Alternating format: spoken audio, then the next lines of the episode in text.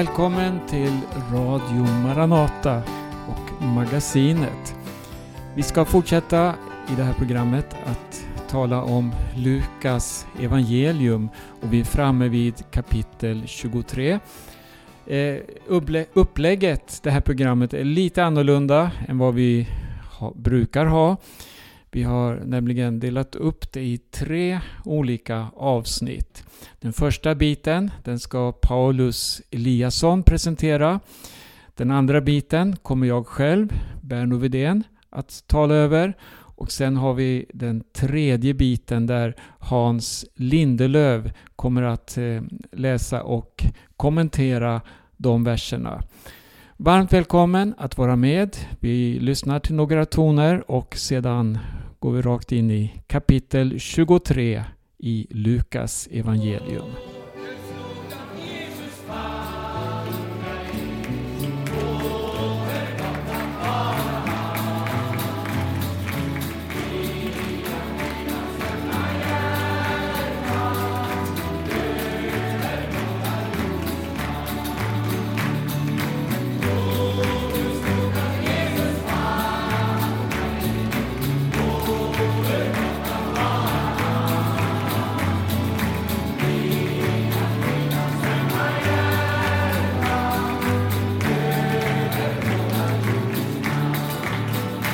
Ja, då ska jag börja med att läsa här några ord ifrån eh, Lukas kapitel 23 och jag läser ifrån den första versen. Där står det så här. Alla de församlade bröt nu upp och förde honom, alltså Jesus, till Pilatus. Där började de anklaga honom och säga Vi har funnit att den här mannen förleder vårt folk. Han förbjuder att man betalar skatt till kejsaren och han säger att eh, han är Messias, en kung. Pilatus frågade då, så du är judarnas kung? Jesus svarade, du själv säger det. Pilatus sa då till översteprästerna och till folket, jag ser inget brottsligt hos den mannen. Men de var påstridiga och sa, han hetsar upp folket med sin lära över hela Judeen från Galileen och ända hit. När Pilatus hörde detta frågade han om mannen var Galile och när han fick höra Eh, veta att Jesus kom från Herodes myndighetsområde skickade han honom till Herodes som också var i Jerusalem under de dagarna. Och vi ska stanna till där först eh, innan jag läser vidare. Och eh, det första vi ser här i texten det är att vi introduceras för den här personen Pilatus som vi inte har mött eh, eh tidigare i det här evangeliet. Men Pilatus står det han var landshövding eh, i Jerusalem och han var alltså en person som var utvald av romarriket för att eh, upprätthålla lag och ordning där i staden. Eh, och han representerar på många sätt den karaktär som eh, romarriket, som fanns i det romerska systemet och i dess ledarskap. Nu var inte han kejsaren, men han, han representerar vad, vad de här kejserliga utsändningarna, de romerska eh, ledarna stod för. Och anklagelserna som man anförde mot eh, Jesus, det var för det första att han påstod att man inte skulle betala skatt. Han förbjuder att man betalar skatt till kejsaren. Eh, och den andra var att han eh, är kung. Han menar sig att vara Messias, en kung. Och det är ju intressant att se varför de här eh, som för Jesus till Pilatus använder just de här två anklagelserna. Han anklagas alltså inte för att vara en, en, en krigersk uppviglare, för att vara en mördare eller för att vara eh, någonting liknande. Men de tar tag i de här två anklagelserna som eh, den ena är ju en lögn. Eh, vi har sett tidigare i Lukas evangelium att Jesus sa att man ska betala skatt. Ge kejsaren det kejsaren tillhör och Gud det som tillhör Gud. Men för att göra Jesus hotfull inför Pilatus så väljer man att se bort ifrån det Jesus faktiskt har sagt och istället presentera en lögn för att väcka hans intressen. De kunde väl antagligen inte säga att Jesus är en mördare. För då skulle man, eh, det, det kunde man inte bevisa på något som helst sätt. Men när det gäller den här anklagelsen om vad han skulle ha sagt, vad han skulle ha påstått så kunde man eh, om inte annat föra fram vittnen som Eh, menade sådant. Och den andra, det andra som de anklagar honom för att vara Messias, en kung. Det är ju en sanning med modifikation. Men så som det presenteras, de säger inte bara att han är Messias men att han är en kung. Eh, för att förklara då för Pilatus vad betyder det här.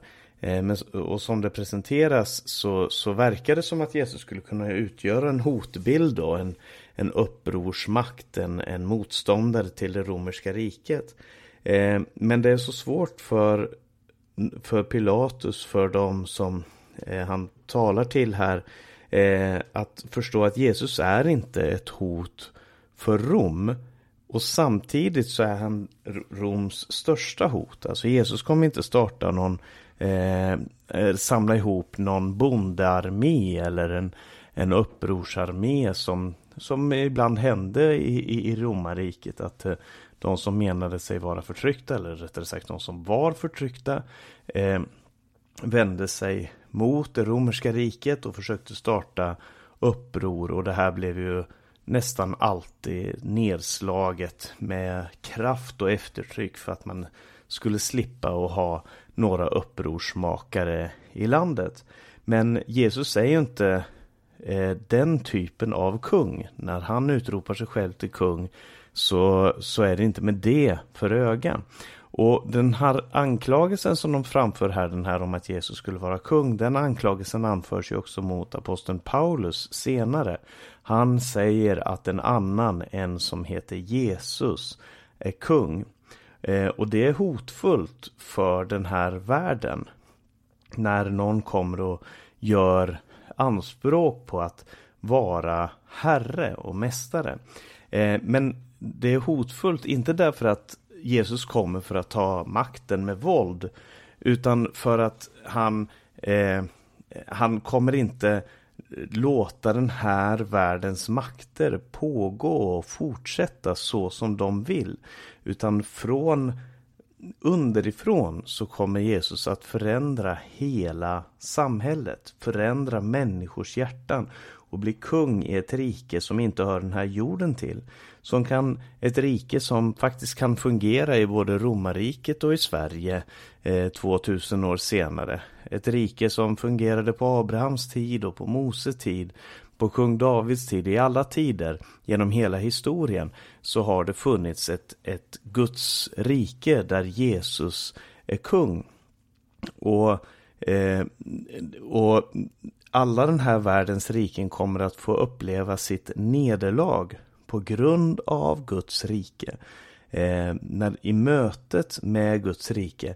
Men inte på det sättet som man vanlig, vanligtvis tänker sig att Jesus ska, eller att nej, det ska komma en kung som ska övervinna med svärdets makt, med våldets makt. Utan en helt annan makt. Och den makten får vi se i de här kapitlen som ligger framför oss här. Men så förs Jesus då till Herodes och det står så här, när Herodes fick se Jesus, därifrån den åttonde versen. När Herodes fick se Jesus blev han mycket glad. Han hade länge velat träffa honom, för han hade hört om honom och hoppades nu få se honom göra något tecken. Herodes ställde många frågor till honom, men Jesus svarade honom inte. Översteprästen och de skriftlärde stod där och anklagade honom häftigt. Då fick Herodes och hans soldater förakt för honom och han hånade honom genom att sätta på honom en praktfull dräkt innan han sände honom tillbaka till Pilatus. Den dagen blev Herodes och Pilatus vänner med varandra. Förut hade det rått fiendskap mellan dem. Och eh, så kung Herodes då, han eh, vill att Jesus ska eh, göra något tecken. Och det är väl ganska många som behandlar Jesus på det sättet. Nu, nu har vi Jesus här, han, han får utföra de här undrena, miraklerna Eh, han får vara våran trollkar som ska underhålla. Eh, men när Jesus inte gör det man vill så föraktar man honom.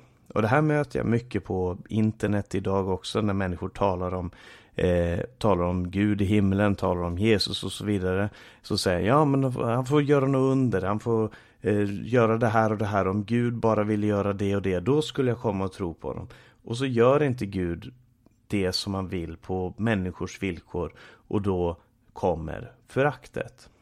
Eh, och det som, det som händer i den här texten det är ju att världens förakt, människors förakt möter Jesus. Men Jesus står, är helt stilla inför det här.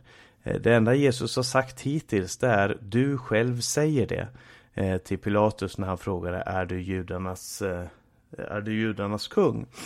Och eh, Jesus vet vart hän det här bär. Han har i full kontroll över situationen. Och människornas kaotiska makter, deras eh, sätt att behandla honom, deras sätt att ljuga, att, att eh, förstöra och vilja döda. Allt det där verkar bara till eh, det, det, det, är en del av Guds plan. Gud vet om det här. Han blir inte överraskad, han blir inte chockerad över det som händer, utan Gud känner till det här. Och han låter det ske. Och så står det eh, så står det vidare härifrån den eh, trettonde versen. Eh, Pilatus sammankallade översteprästerna och rådsherrarna och folket och sa till dem Ni har fört den här mannen till mig och sagt att han förvillar folket. Jag har nu förhört honom i er närvaro men inte funnit honom skyldig till det ni anklagar honom för. Det gjorde inte Herodes heller och därför sände han honom tillbaka till oss. Ni ser att han inte har gjort något som förtjänar döden.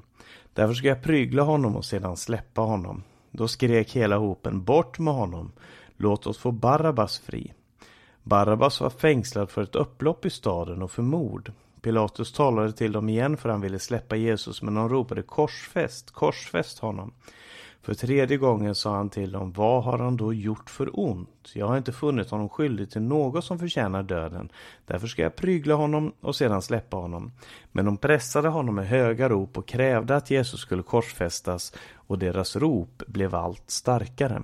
Pilatus beslöt då att de, eh, att de fick att det fick bli som de krävde. Han släppte den som var fängslad för upplopp och mord, den som de ville ha, men utlämnade Jesus åt deras vilja.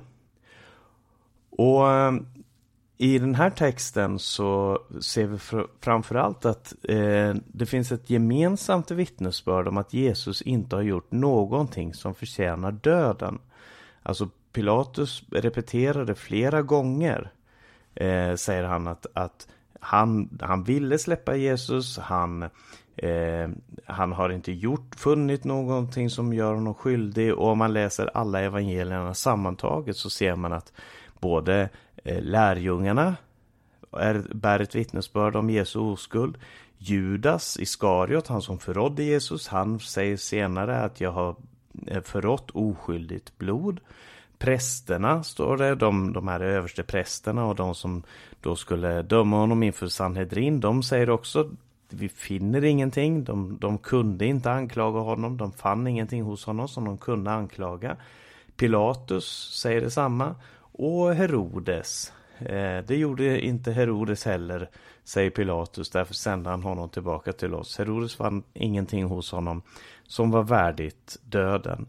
Men det är någonting i Jesu karaktär som gör att man inte kan låta honom leva oavsett. Och hos Pilatus så handlar det om att han inte sätter Jesu oskuld framför sina egna maktanspråk, framför sina egna, sin egna vilja att, att ha kontrollen över det område som han, eh, som han regerade över. Och Barabbas som det står här som de ber om att bli frigjord eh, när, när, eh, om man läser de andra evangelierna så står det där att att det, det fanns en vana hos eh, den romerska legionen, varje, eller hos romarna, att varje påsk så gav man en person fri, även om den var skyldig, någon som folket ville ha. Eh, och i det här fallet så stod det då valet mellan Jesus och Barabbas som var en, upp, eh, som var en upprorsman och en mördare. Eh, och folket sa ge oss Barabbas fria. Eh, ge oss Barabbas fria, en mördare och uppror, upprorsman. Så beslutet som Pilatus tar i vers 24, Pilatus beslöt då att det fick bli som de krävde. Det var baserat på folkets krav och inte på den egentliga rättsuppfattningen. Det handlade inte om vad han visste var rätt och fel. Han la det till sida mot det som vägde högre, nämligen folkets krav.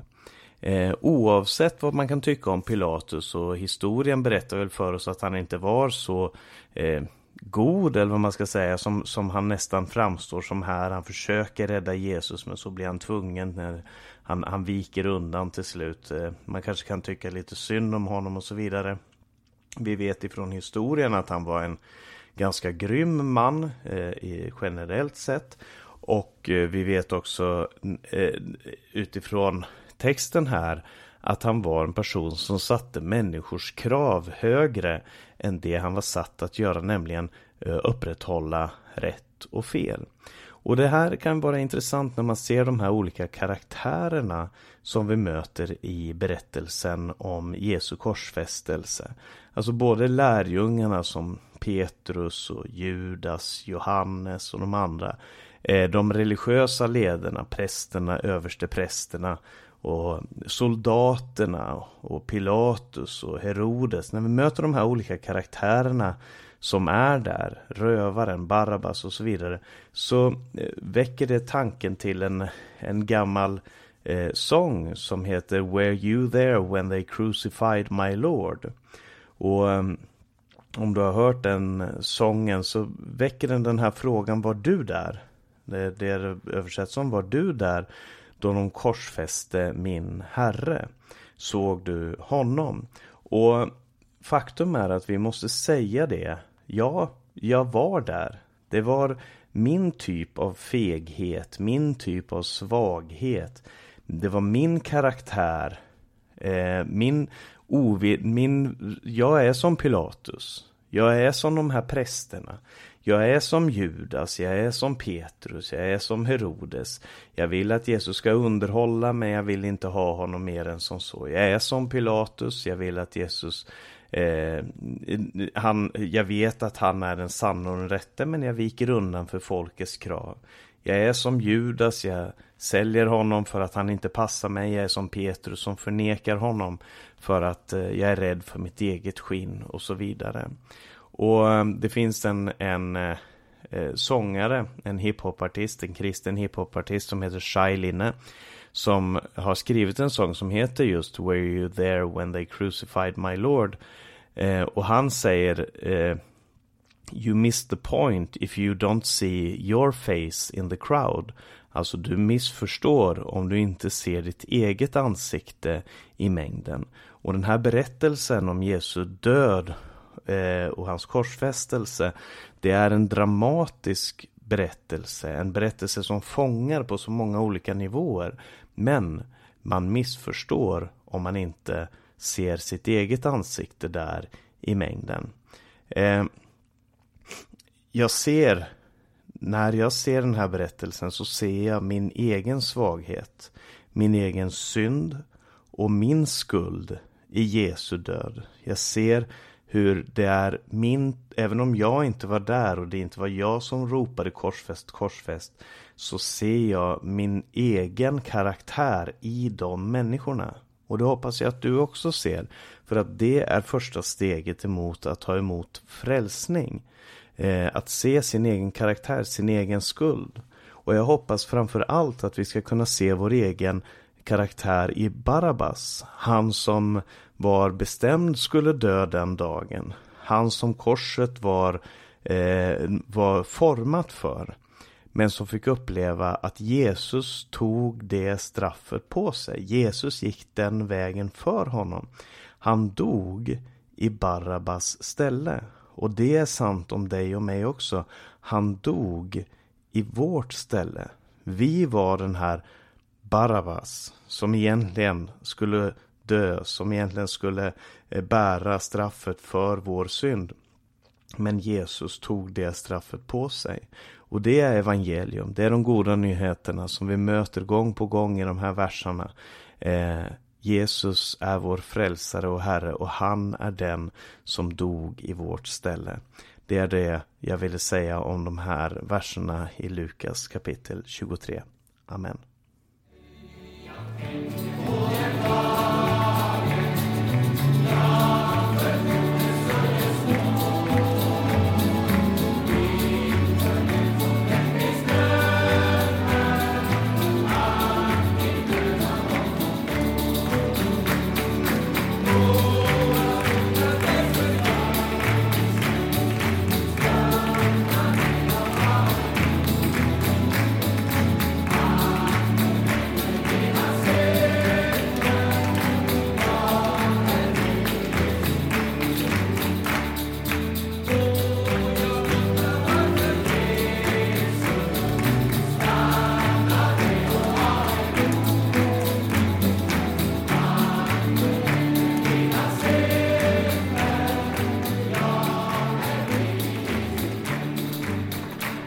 Då ska jag fortsätta att läsa här ur Lukas evangeliums 23 kapitel. Och vi är framme vid vers 26. Vi ska börja med att läsa fram till vers 31. När de förde bort honom grep de en man som kom från landet, Simon från Cyrene. På honom lade de korset för att han skulle bära det efter Jesus.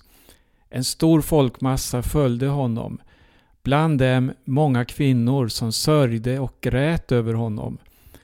Då vände Jesus sig om och sade till dem Jerusalems döttrar, gråt inte över mig, utan gråt över er själva och era barn. Ty det kommer en tid då man skall säga Saliga är de ofruktsamma, det moderliv som inte har fött och det bröst som inte har gett i. Då skall man säga till bergen Fall över oss och till höjderna Dölj oss. Ty om man gör så med det friska trädet, vad skall då inte ske med det torra? Första versen vi läste, det står här om att eh, Jesus han bar ju själv sitt kors, men det var en man från Syrene som eh, eh, haffades där på platsen och han eh, fick vara med då att eller han tvingades till att bära korset. Det var ju så att den dömde själv skulle bära i varje fall den här eh, tvärslån på korset fram till avrättningsplatsen. Och det gjorde också Jesus. Det kan vi läsa om i Johannes evangeliums när han skildrar samma händelse. Men sista sträckan, då var det Simon från Syrene som alltså tvingades att bära korset. Och Syrene var en stad i Nordafrika, så det är troligt att denne Simon, han var en eh, mörkhyad man som befann sig då i Jerusalem. Eh, vilka det var som följde efter honom på vägen ut mot Golgata, det, det, vet vi inte säkert. Men det står att det var en stor hop folk. Det var många människor. Och trolig, troligen så var det en del av dem som hade varit med och dömt honom. Kvinnorna står om här. De eh, måste ha gått strax efter honom eftersom han kunde tala med dem. Han konverserade med dem. De grät över honom som över en död människa. Eh, lärjungarna, de eh, var ju inte här just vid det här tillfället. Man vet inte riktigt var de befann sig någonstans. Men de hade ju redan övergett Jesus och flytt. Det som skedde tidigare eh, under kampen där i Getsemane. Jesus han vände sig om till kvinnorna som grät där och sa till dem att gråt inte. Han använder ett uttryck då han vänder sig till dem. Han säger Jerusalems döttrar. Och han förklarade att det han genomgick, det, det var ju en nödvändighet. Det hörde till Guds försoningsplan. Men eh, han, han säger så här, utan gråt över er själva. Alltså gråt inte över mig, gråt inte över det jag får genomlida. Utan ni ska hellre gråta över dem som det fanns anledning att sörja över. Och här handlar det om Jerusalems döttrar, eller Jerusalems invånare. Sen fortsätter Jesus här att beskriva en tid som ska vara så fruktansvärd att de som inte hade barn och som eh, i vanlig mening då eh, sågs som människor som var straffade av Gud för att man inte hade barn. De skulle bli betraktade istället som de mest lyckosamma. Jesus han såg med en eh, profetisk blick mitt under sitt lidande, mitt under sin vandring mot Golgata, efter allt han hade genomlidit och det också som låg framför, så hade han ändå den här profetiska blicken och det här budskapet om vad som väntade människorna. Han såg Jerusalem omringat av den eh, romerska hären och han såg det, det, först, det, det fruktansvärda tillstånd som då skulle råda. Vad som skulle äga rum. Och, och det här är ju saker som senare gick i uppfyllelse. Eh, vers 30, då står det att eh, man ska säga till bergen, fall över oss och till höjderna, dölj oss. Det är väldigt drastiska ord. Jesus han eh, talar ju fortfarande här också då om Jerusalems förstöring. Men vi förstår också i Jesu undervisning om, om, om de här händelserna när Jerusalem omringas av, av härar. Ja, då, då förstår vi också att det finns en, en längre profetisk eh, mening med detta. Det finns en, en bok som skrevs efter Jerusalems fall och det är ju Uppenbarelseboken. Och där kan vi läsa något liknande om hur människor kommer, eh, har, bär på det här ropet om, som vi läste om här, när man eh, ropar fall över oss eller dölj oss. Det står så här i Uppenbarelsebokens sjätte kapitel, vers 15. Det här är när lammet eh, bröt det sjätte sigillet. Och då står det Kungarna på jorden, stormännen och härförarna, de rika och de mäktiga, alla slavar och fria, gömde sig i hålor och bland bergsklyftor. Och de sade till bergen och klipporna Fall över oss och göm oss för hans ansikte som sitter på tronen och för Lammets vrede. Ty deras vredes stora dag har kommit och vem kan då bestå? Det som är så oerhört eh, stort och mäktigt i, i det här budskapet som Jesus ger på sin vandring upp mot Galgata då han bär människans synd, alltså hela mänsklighetens synd på sina axlar bokstavligen. Den här bördan. Så, så har han ändå det här profetiska budskapet som han framför. I vers 31 så kan vi läsa om det friska trädet. Om man gör så med det friska trädet, vad ska då inte ske med det torra.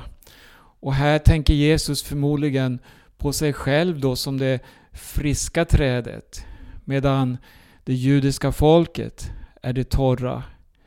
Guds dom skall nu gå över honom själv. Fastän han hade inte gjort något som eh, förtjänade döden.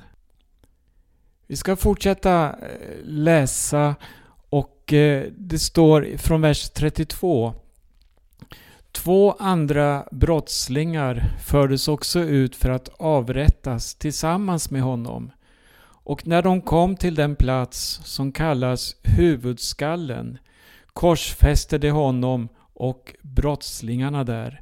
Den ene på hans högra sida och den andra på hans vänstra. Men Jesus sade Fader, förlåt dem, ty de vet inte vad de gör. Och de delade hans kläder mellan sig och kastade lott om dem. Folket stod där och såg på. Men medlemmarna i Stora rådet hånade honom och sade Andra har han hjälpt, nu får han hjälpa sig själv om han är Guds Messias, den utvalde. Även soldaterna gick fram och hånade honom. De räckte honom surt vin och sade Om du är judarnas konung, så hjälp dig själv. Över honom så fanns det också ett anslag. detta är judarnas konung. En av brottslingarna som var upphängda där skymfade honom och sade Är inte du Messias? Hjälp då dig själv och oss. Men den andre tillrättavisade honom och sade Fruktar inte heller du Gud, du som är under samma dom. Vår dom är rättvis. Vi får vad vi har förtjänat. Men han har inte gjort något ont. Och han sade Jesus, tänk på mig när du kommer till ditt rike. Jesus svarade Amen säger jag dig. Idag ska du vara med mig i paradiset. Det är väldigt gripande att läsa de här texterna. Här står det om brottslingar som eh, korsfäster tillsammans med Jesus.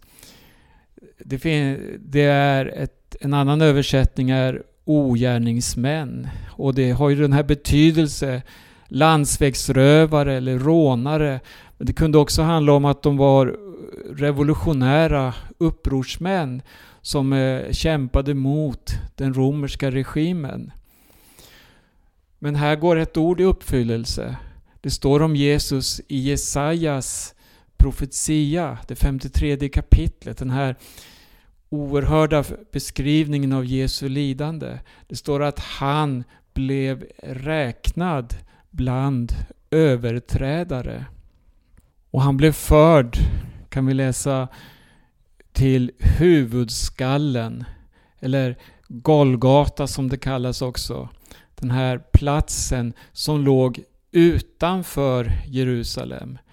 Och enligt eh, tredje Mosebok, 24 kapitlet, så står det att avrättningar skulle ske utanför lägret, eller utanför stadsmuren.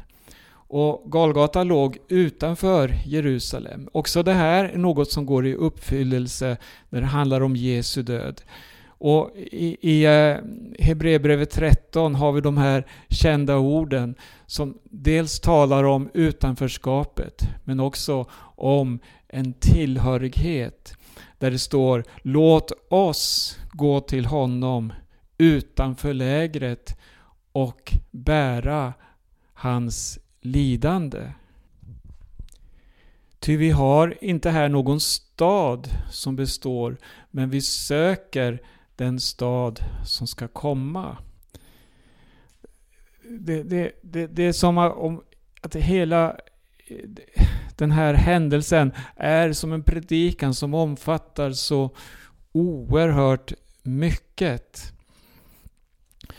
Och när vi kommer fram till vers 34 så, så, så ser vi här hur Jesus han säger Fader, förlåt dem, ty de vet inte vad de gör. Den här bönen utav Jesus, den, den är också väldigt stark. Vi kan läsa om Stefanus senare i Apostlagärningarna, hur han bad samma bön. Han bad för sina bödlar, för de som stenade honom. Och han sa det här, de vet inte vad de gör. Och han bad Fader, förlåt dem. Och det här är också en del av bönen som vi läser i Fader vår. Sen läser vi också om hur, hur eh, medlemmar ur Stora rådet och eh, rådsherrarna, de, de drev med Jesus. De hånade honom när han hängde där. Och de visste inte själva hur sant de talade. Det, när, när de säger så här, andra har han hjälpt. Och det är ju sant. Han frälste andra. Men han gjorde det genom sin egen död. Och han tänkte inte på sig själv. Utan han gav sitt liv för att frälsa andra. Det var därför han kom. Och det fanns inget annat sätt heller att utföra frälsningsverket just än att Jesus skulle ge sitt liv. Det här är också ord som går i uppfyllelse som vi kan läsa om i exempelvis psalm 22. Där, läs psalm 22, där har vi eh, en eh, segersång som Jesus sjöng på Golgata skulle jag vilja säga. Med de ord han förmådde att uttrycka så var det att han citerade ur psalm 22 och proklamerade därigenom denna seger på Golgata. Sen läser vi här också om hur soldaterna gick fram och eh, hånade Jesus. De räckte honom surt vin. Det står i en annan översättning att det var ättikvin. Och det var det här sura vinet. En, en ganska vanlig dryck på den här tiden. Och här ser vi också hur eh, en psalm, psalm 69, skulle uppfyllas på Jesus. Ättikvinet, det smakade illa och ökade ju därmed plågan också, men det var samtidigt ett bedövningsmedel. Så man, men det står om soldaterna att de använde eh, det här för att plåga Jesus. Och hela, hela den här passagen, man ser hur alla människor, även i Jesus svåraste stund här, vänder sig mot Jesus. Judarna, de eh, bespottade ju Jesus för att enligt deras uppfattning så, så väntar ju de en Messias som skulle befria dem från det romerska trycket, eller förtrycket. Men vad är Jesus? En hjälplös Messias som inte ens kunde rädda sig själv. Därför var han också oduglig när det gällde att frälsa Israel. Och så ser vi de här romerska soldaterna som eh, hånade judakungen utan krona, rike eller någon krigshär. Vad är denne Jesus för Messias? Ja, han hånades från alla håll.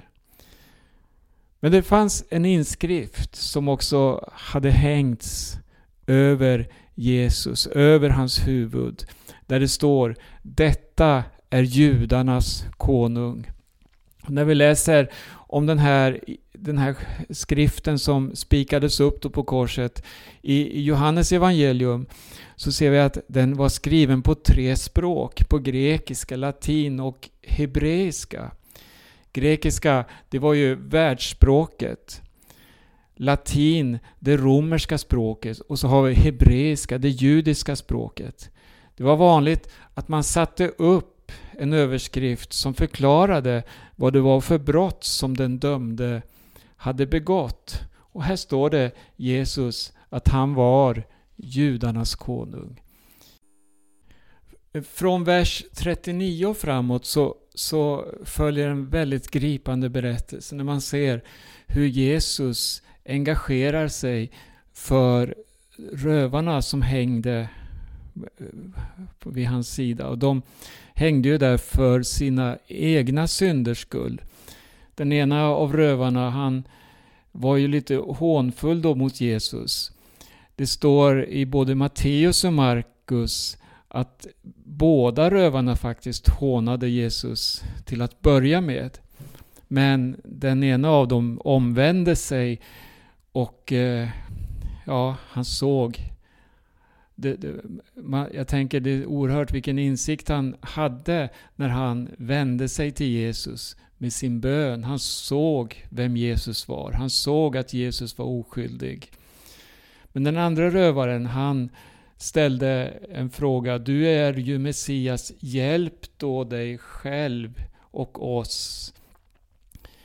Eh, men då blev han tillrättavisad utav den andra rövaren då, som eh, ifrågasatte just det här, du fruktar ju inte Gud, du som är under samma dom. Rövaren som eh, omvände sig, han eh, måste ha eh, sett hos Jesus han på något sätt, eh, vi vet ju inte om han kände till Jesus innan, vem han var eller så. Men han såg sin egen synd i mötet med Jesus. Och samtidigt så såg han att Jesus, han var ren, han var helig, att Jesus var oskyldig. Och så insåg han den här stora skillnaden som fanns mellan honom, eh, alltså mellan Jesus då som hängde på korset i mitten, mellan rövarna. Och han, denne Jesus, han var eh, alltså dömd till samma straff som de båda rövarna. Men vilken enorm skillnad det ändå fanns. Och vi läser här i vers 42. Han bad om en eh, tanke kan vi säga. Det står så här. Jesus, tänk på mig när du kommer till ditt rike. Och man kan fråga sig, hur visste denne rövare att Jesus skulle komma till sitt rike? Hur hade han fått den insikten? Men vi förstår här att han hade omvänt sig och han nu tror på Jesus. Han bekänner egentligen en hel del eh, med de här orden. Dels det här att själen, den dör inte med kroppen. Att det finns en annan värld, en andlig värld efter det här livet. Och att Kristus, även om han fick lida, så hade han ett rike där han var kung. Och att Jesus, han var själva nyckeln till det här riket. Även om han nu också hängde då på ett kors och fick lida korsdöden. Och rövaren uttryckte med sina egna ord att han ville förenas med Jesus. Han bad för sitt liv kan man säga. Tänk på mig Jesus. Tänk på mig. Han önskade inte befrielse från korset. Han kanske insåg att det, den möjligheten den fanns inte längre. Men hur som helst så hade han funnit något som var värt mycket mera än det liv han hade levt. Det fanns ett evigt rike, det fanns ett himmelrike. Tänk på mig Jesus när du kommer i ditt rike. I vers 43 så får han får det här svaret av Jesus. Och jag ska avsluta det här blocket med, med det Jesus sa till honom. Hör, idag ska du vara med mig i paradiset. En dödsdömd rövare som tog emot Jesus under de sista minuterna av sitt liv blev den första som genom tron på den korsfäste skulle få gå in i paradiset.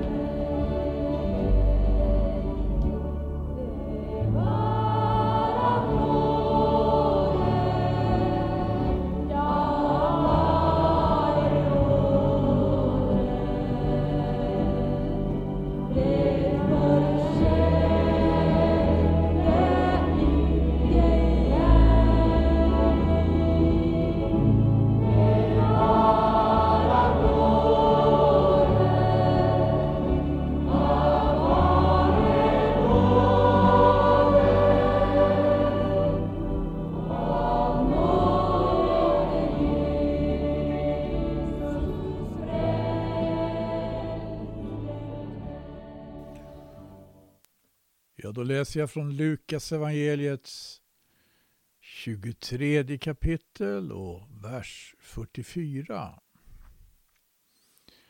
Det var nu omkring sjätte timmen. Då kom över hela landet ett mörker som varade ända till nionde timmen. I det att solen miste sitt sken och förlåten i templet rämnade mitt i tu. Och Jesus ropade med hög röst och sa Fader, i dina händer befaller jag min ande. Och när han hade sagt detta gav han upp andan. Men när hövitsmannen såg vad som skedde prisade han Gud och sa Så var då denne verkligen en rättfärdig man. Och när allt folket, det som hade kommit tillsammans för att se här på, såg vad som skedde, slog det sig för bröstet och vände hem igen. Men alla hans vänner stod på avstånd och såg detta, bland dem också några kvinnor, de som hade följt med honom från Galileen. Nu var där en rådsherre vid namn Josef, en god och rättfärdig man, som icke hade samtyckt till deras rådslag och gärning. Han var från Arimatea, en stad i Judeen, och han väntade på Guds rike. Han gick till Pilatus och utbad sig att få Jesu kropp, och han tog ner den och svepte den i en linneduk. Sedan la han den i en grav som var uthuggen i klippan och där ännu ingen hade varit lagd. Det var då tillredelsedag och sabbatsdagen började ingå och de kvinnor som med honom hade kommit från Galileen följde efter och såg graven och såg hur hans kropp lades ner där. Sen vände de hem igen och redde till välluktande kryddor och smörjelse. Men på sabbaten var det stilla efter lagens bud. Här står någonting som äh, har eh, verkligen en profetisk dignitet. Det står nämligen hos flera profeter om det här.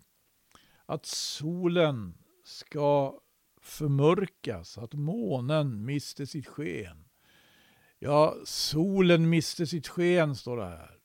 Och det var mitt på dagen.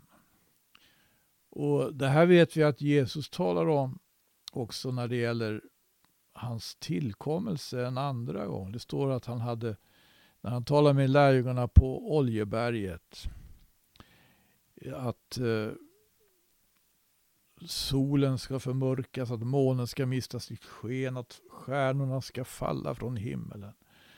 I Matteus evangeliets 24 kapitel och vers 29. Om det här står också som sagt hos profeten Jesaja kapitel 13. Där kan vi läsa i verserna 9 till 10. Se, Herrens dag kommer, gruvlig och med förgrymmelse och med vredesglöd, för att göra jorden till en ödemark och utrota syndarna som där bor. Ty himmelens stjärnor och stjärnbilder sända ej mer ut sitt ljus. Solen går mörk upp och månens ljus skiner icke. Och i profeten Joel som bara består av tre kapitel står det faktiskt tre gånger om att solen ska förmörkas, att månen ska mista sitt sken, att stjärnorna ska falla från himmelen. Om du vill se efter så kan du titta i kapitel 2, i vers 10 där och i vers 31 och i det tredje kapitlets femtonde vers. Så det kan ju tänkas att det här att det sker flera gånger, det, det har eh, sin särskilda betydelse när Gud handlar, när Gud handlar, när, när Guds rike bryter igenom. Om något säger det här att Jesus dör på korset en eh, en sån oerhört komprimerade händelser på ett sätt. Här kan vi också exempelvis eh, se att Johannes tillämpar en profetia som finns hos Sakarja. Det ska se upp till honom som det har stungit. Det, det här gällde ju då att han hängde på korset och hängde liksom en bit högre än alla andra. Det ska se upp till honom som deras har stungit. Men det här gäller också vid hans andra tillkommelse. Det står att enligt Uppenbarelsebokens första kapitel, sjunde vers. Se, han kommer med skyarna. Och allas ögon ska se honom, ja, och deras som har stungit honom. Och alla släkter på jorden ska jämra sig vid hans åsyn. Det är märkligt vad mycket som finns här vid korset. Eh, vi har kanske anledning att återkomma till det, men nu tänkte jag särskilt att vi ska titta lite grann på det här eh, om rådsherren Josef från Arimatea. Det står om, om, om honom alltså ifrån den eh, femtionde versen är det. Där var en rådsherre vid namn Josef, en god och rättfärdig man, som icke hade samtyckt till deras rådslag och gärning. Han var från Arimateens stad Judeen och han väntade på Guds rike. Jag tycker det här är märkligt. Det står han samtycke till, samtyckte icke till deras rådslag och gärning. Det var judarnas överste präster och äldste och de skriftlärde som hade liksom eh, kommit fram till att den här mannen måste dö. Jesus från Nasaret måste dö. Det var deras rådslag och gärning. Men så hade Gud sitt rådslag. Aposteln Petrus eh, i sin predikan på pingstdagen nämner ju om det. Det står i Apostlagärningarnas andra kapitel, vers 22-24. Han säger så här. Ni män av Israel, hör dessa ord. Jesus från Nasaret, en man som inför er fick vittnesbörd av Gud genom kraftgärningar och under och tecken, vilka Gud genom honom gjorde bland er, så som ni själva vet. Denne som blev given ert våld enligt vad Gud i sitt rådslut och sin försyn hade bestämt. Gud i sitt rådslut och sin försyn. Här ser vi överste prästers och äldstes och skriftlärdes rådslag och gärning som kommer att möta vad Gud i sitt rådslut och sin försyn hade bestämt. Och honom har ni genom män som icke vet av lagen låtit fastnagla vid korset och döda. Men Gud gjorde en ände på dödens vånda och lät honom uppstå eftersom det icke var möjligt att han skulle kunna behållas av döden. Aposteln Paulus i sin predikan i Apostlagärningarnas trettonde kapitel säger som så i vers 24 att eftersom Jerusalems invånare och deras rådsherrar inte kände honom uppfyllde de och genom sin dom över honom profeternas utsagor, vilka var sabbat föreläses. Deras rådslag och gärning möter Guds rådslut, vad han i sitt rådslut och sin försyn hade bestämt. Och det här är väl också någonting av vad som kommer till uttryck i den 64 salmen. Jag ska se vad, om jag hittar den här. Där kan vi läsa som så. Hör, o oh Gud, min röst när jag klagar.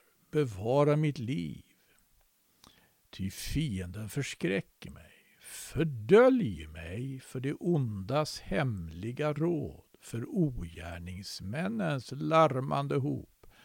De vässa sina tungor liksom svär, med bittra ord lägga de an, såsom med pilar, för att i lönndom skjuta den ostrafflige. Plötsligt skjuta det på honom utanför syn. Det befästa sig i sitt onda uppsåt, det orda om hur det ska lägga ut snaror, det säga vem skulle se oss, det tänka ut onda anslag. Nu är vi redo med det råd vi har uttänkt, ja, djupa är männens tankar och hjärtan.